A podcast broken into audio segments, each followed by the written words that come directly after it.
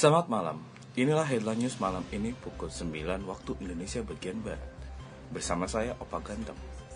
Pesawat Singa Airlines dengan rute Surabaya Bali dikabarkan telah hilang sinyal. Diduga penyebab hilangnya sinyal diakibatkan dari perangkat sinyal airlines yang kurang memadai untuk menerima sinyal 4G. Singa Airlines, we only receive emergency.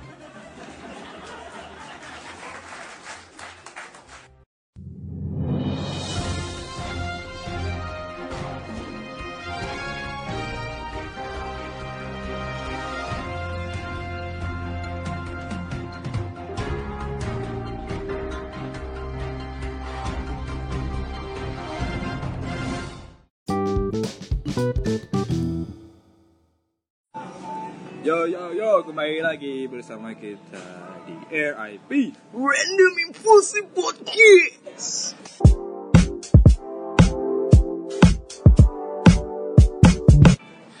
Okay, back to the our conversation. Ya kita lagi nemuin suatu topik menarik nih.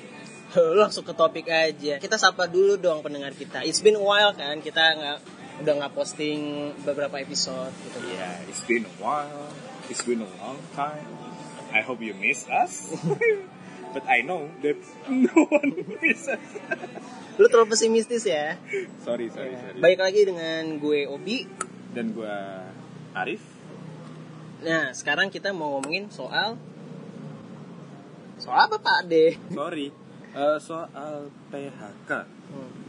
Laid off yang baru-baru ini terjadi di sebuah perusahaan e-commerce salah satu unicorn di Indonesia perusahaan unicorn di Indonesia yaitu Bukalapak dia merampingkan dirinya sendiri dari yang karyawannya 2.600 menjadi 2.500 Hmm. Ya 100 orang berarti. Kurang lebih 100 orang lah ya. 100 Kurang lebih 100 orang.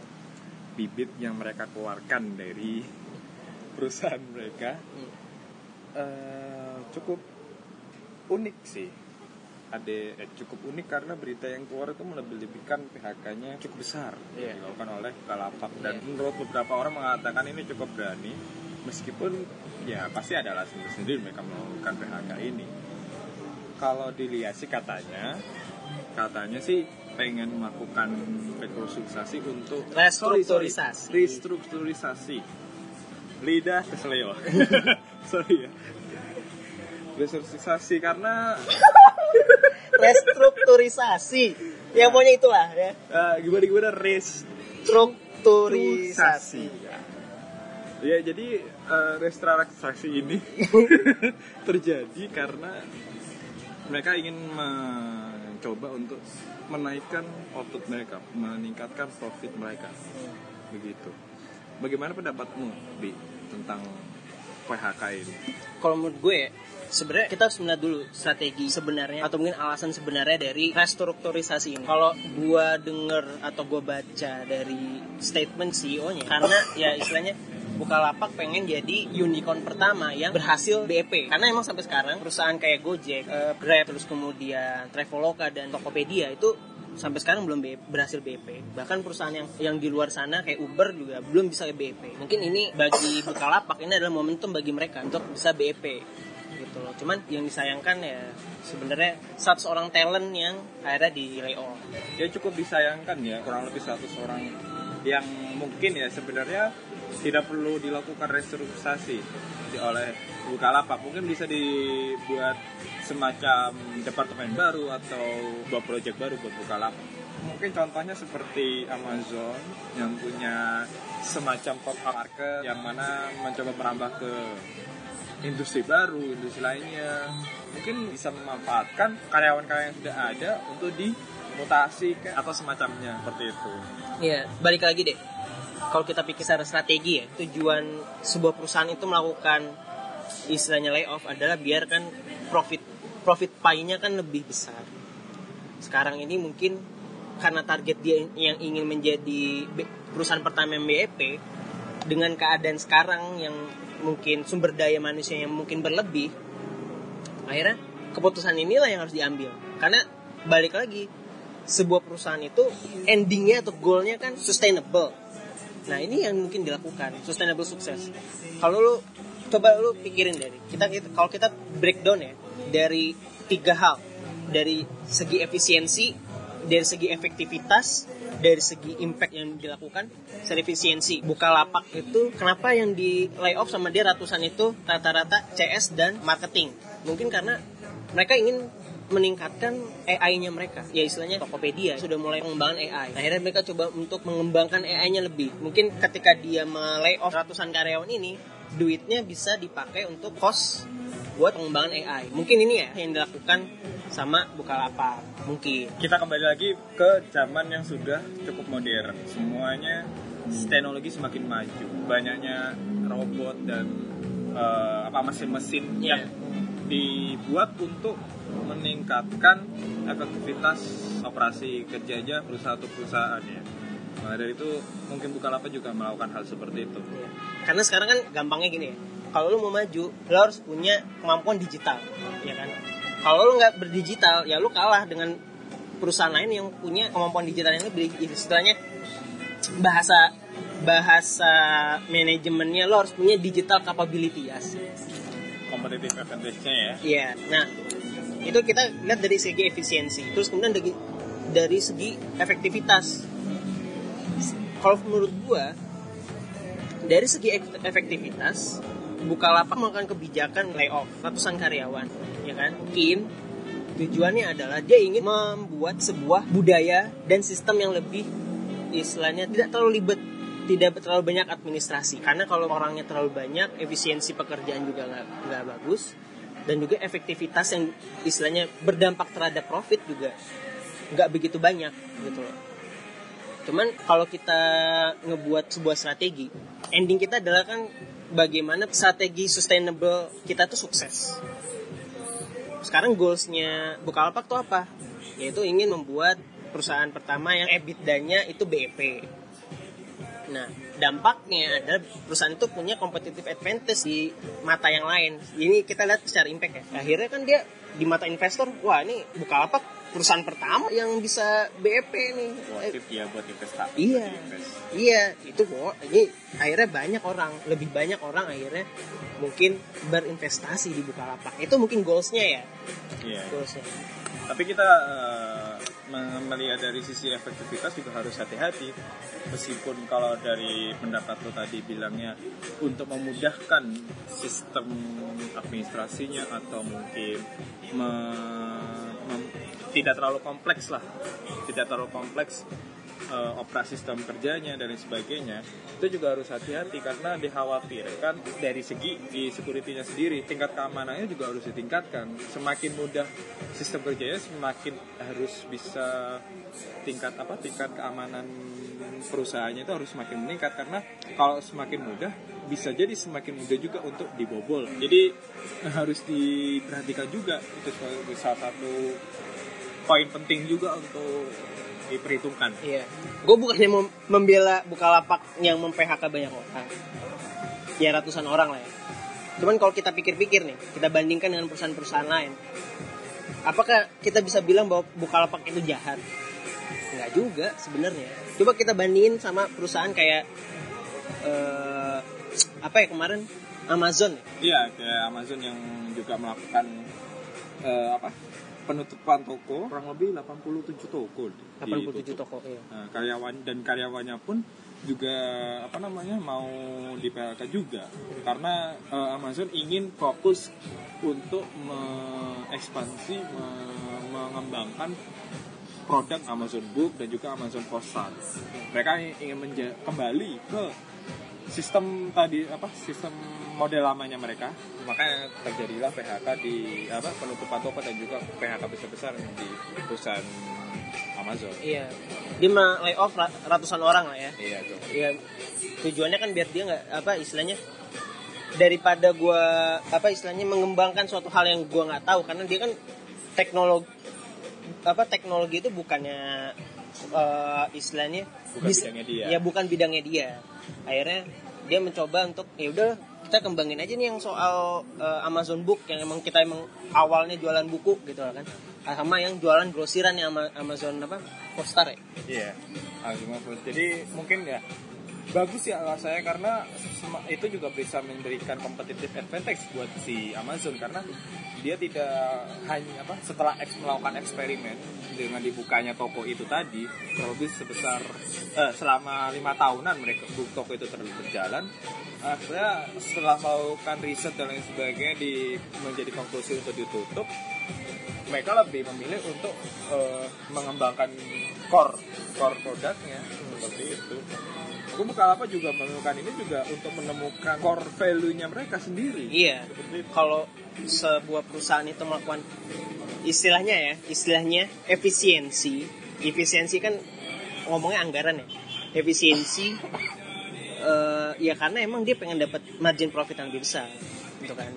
Terus kemudian contoh lain juga kayak ini misalkan kayak eh, apa sih yang, yang di Papua tuh perusahaan apa? Freeport ya. Freeport. Nah, Freeport itu kalau nggak salah dia berapa berapa orang sih yang di Oh ya, yang kasus Freeport yang dulu sempat eh, sempat heboh, cuman habis itu hilang.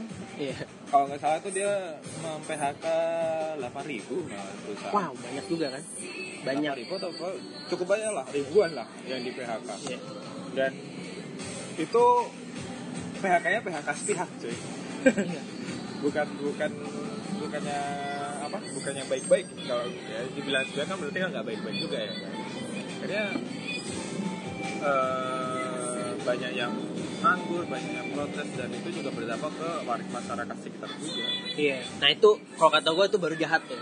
Cuman ada lagi yang lebih jahat sebenarnya. Itu 8000 kan? Ada yang lebih jahat. apa GE Jack Wells ketika dia menjadi CEO tahun 1980-an General Electric pada tahun itu itu diturun-turunnya bahkan terancam bangkrut padahal itu perusahaan itu adalah kebanggaan dari Amerika karena dia banyak lini usahanya yang benar-benar Amerika banget gitu loh dan pada saat itu ada sekitar 411 ribu 411 ribu karyawan. Itu 1980 1985 hanya tinggal 299 which is di layoff 112 ribu orang. Anjay banyak banget ya? Iya 112 ribu orang coy. Tapi eh, yang gue jadi penasarannya mungkin ini jadi juga tanda tanya besar gitu loh buat orang-orang HR human resource atau atau ya strategi HR juga. Untuk menghindari PHK itu kan sebenarnya harusnya kan seleksinya juga sudah harus benar mereka sudah harus bisa memperkirakan butuh karyawan berapa dan juga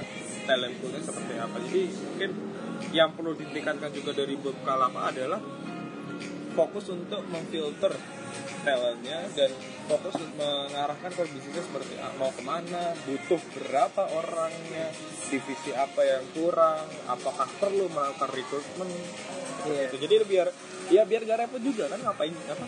Kalau misalnya 100 di PHK, oke keluar.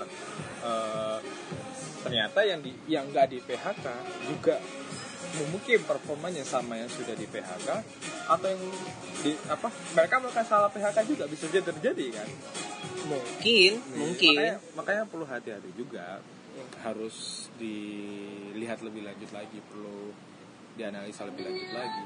Iya. itu dan menurut aku sih eh, dari apa sikap ah, strateginya PHK eh, strateginya Bukalapak untuk melakukan layoff ini ada beberapa dampak positif sama negatifnya Iya. ya, kayak bisa memberikan image yang bagus buat Bukalapak karena dia mau eh, ingin me- extract restrukturisasi. Ya melakukan restrukturisasi terhadap per- apa eh, perusahaannya sehingga lebih bagus kinerjanya outputnya bagus dan lain sebagainya. Ya kan? Jadi ya. investor juga bisa bisa apa mau mau memberikan modal kepada mereka Iya. dan juga tapi sayangnya ya bikin nganggur nambah Iya. pengangguran cuy. Ada ada nambah pengangguran. Iya itu juga itu juga bisa disayangkan terus yang kedua ya itu eh, apa? Bisnisnya di expect apa di ekspektasikan. di forecast menjadi bertumbuh lebih banyak saham meningkat. Apa nilai nilai perusahaannya meningkat.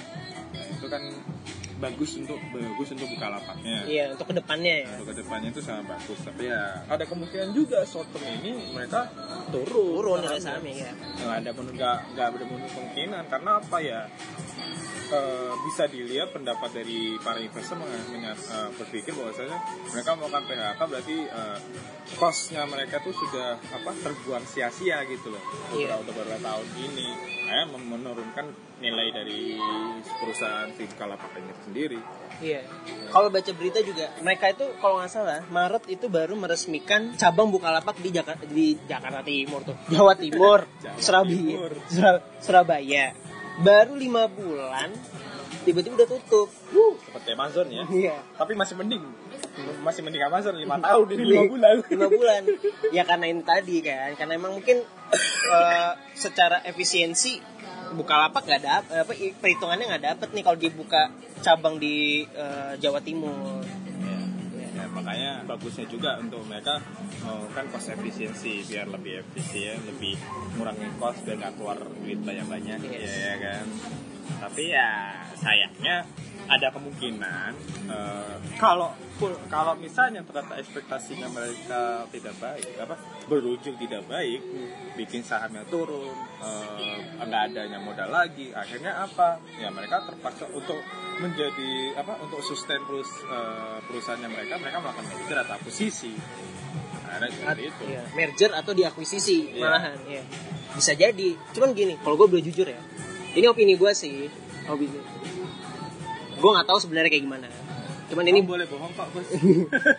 gue gue gue cuman istilahnya berpikir secara ya secara pendapat gue lah. Which is without data dan segala macam. Cuman mari kita pikirkan sama-sama. Kayaknya sih gini Ahmad Zaki sebenarnya ingin mengembangkan Bukalapak itu bukan untuk jadi selamanya dia pegang. Mungkin. Mungkin ya. Jadi ya mungkin nantinya pengennya Bukalapak itu sudah besar akhirnya dia mungkin, mungkin akan dijual. Mungkin eh, Ahmad Zaki terinspirasi sama Sandiaga Uno mungkin yang dia bangun perusahaan yang besar cuman udah turun ketika sudah besar lagi namanya akhirnya eh, dijual. Mungkin mungkin kayak begitu. Cuman ini ini gue without data ya. Jadi mungkin ada pendapat lo yang lagi dengar mungkin yang bisa memberikan apa ya istilahnya, bisa memberikan masukan lah. Apa bener nggak sih ini gue apa namanya opini gue apa mungkin opini gue salah? Tapi itu cukup berani sih ya mau kan kayak gitu. Udah bangun susah payah dari dari awal terus tahu dijual. Itu agak-agak apa ya cukup berani kalau aku bilang. Orang seperti itu dan ya cukup berani. Unik juga. Cuman gini, pikirkan lagi deh. Tujuannya Bukalapak melakukan efisiensi adalah biar mengurangi cost untuk pengembangan AI. Coba kita pikirkan sama-sama. 40 tahun lagi.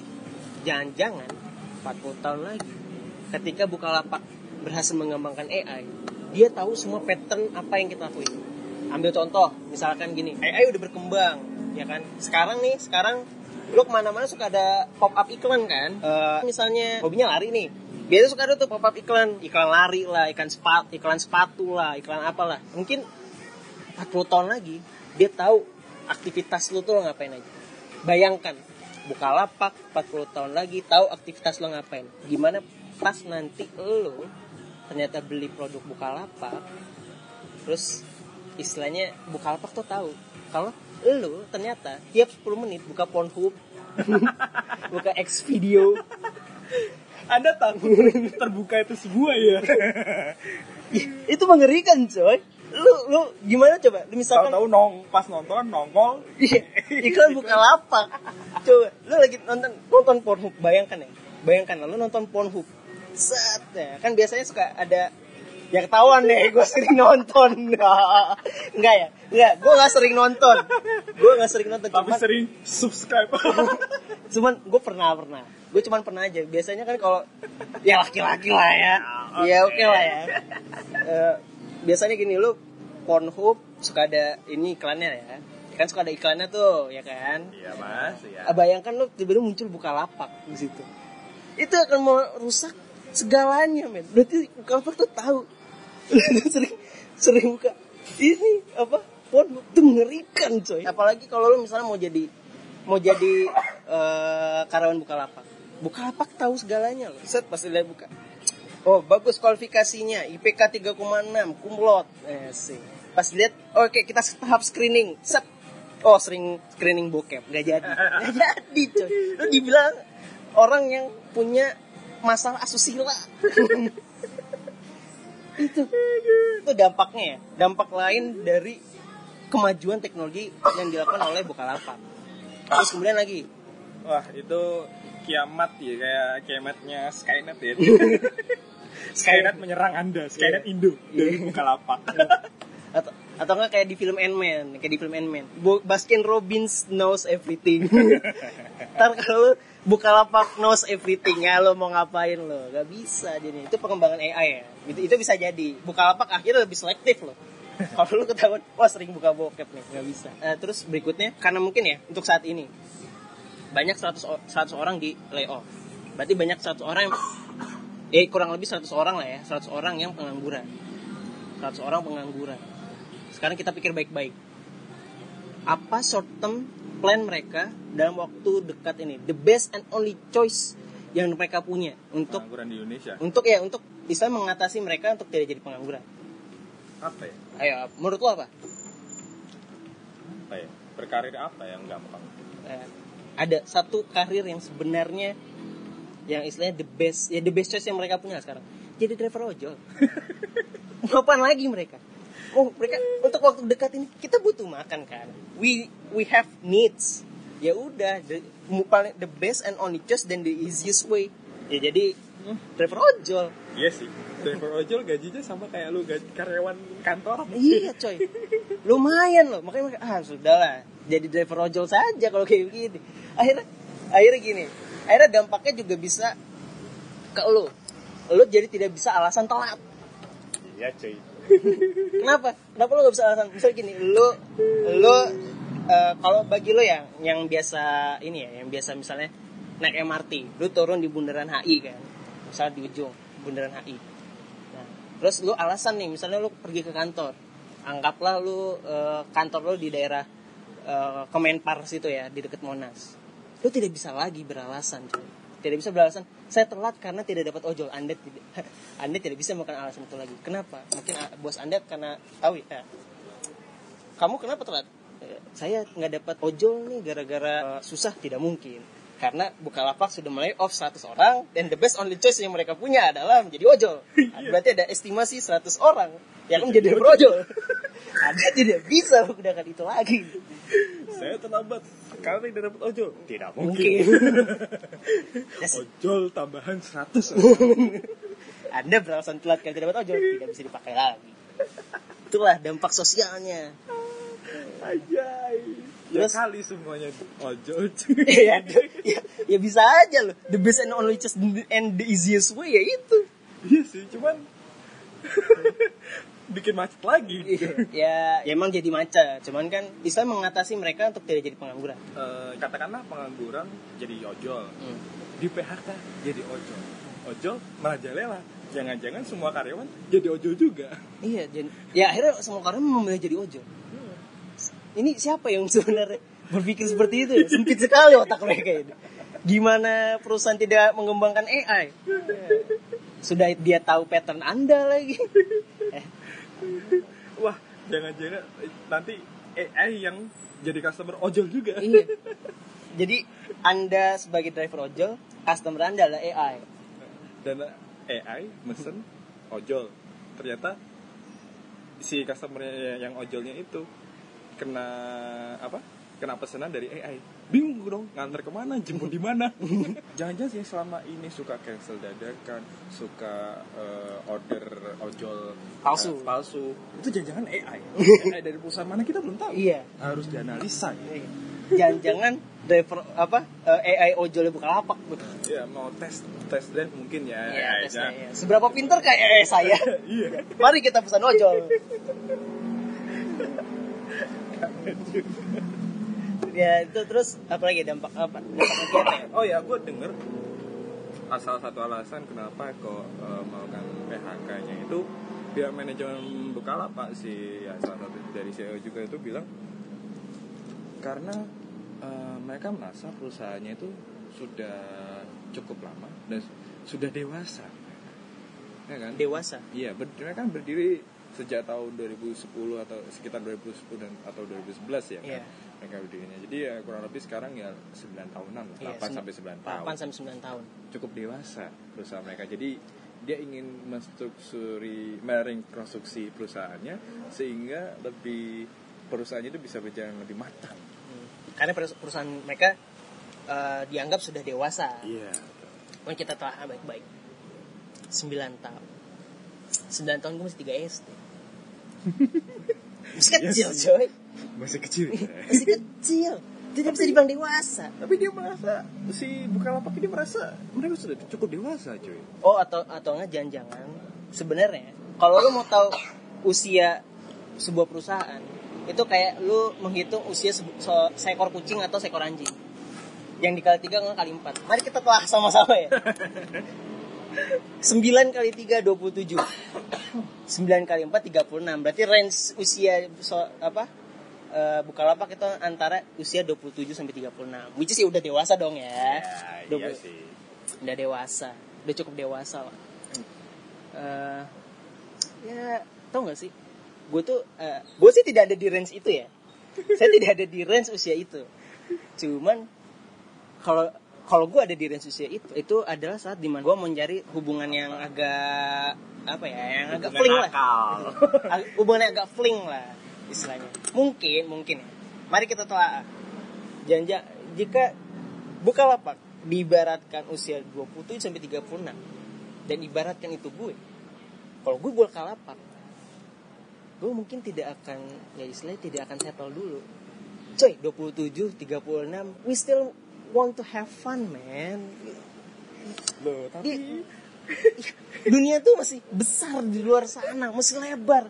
Gue sih nggak bakal mau cari settle. Mungkin ya mungkin. Kalau gue itu lu itu lu. Tapi kan Bukalapak sudah dewasa. Dia sudah bukan ABG yang alay-alay.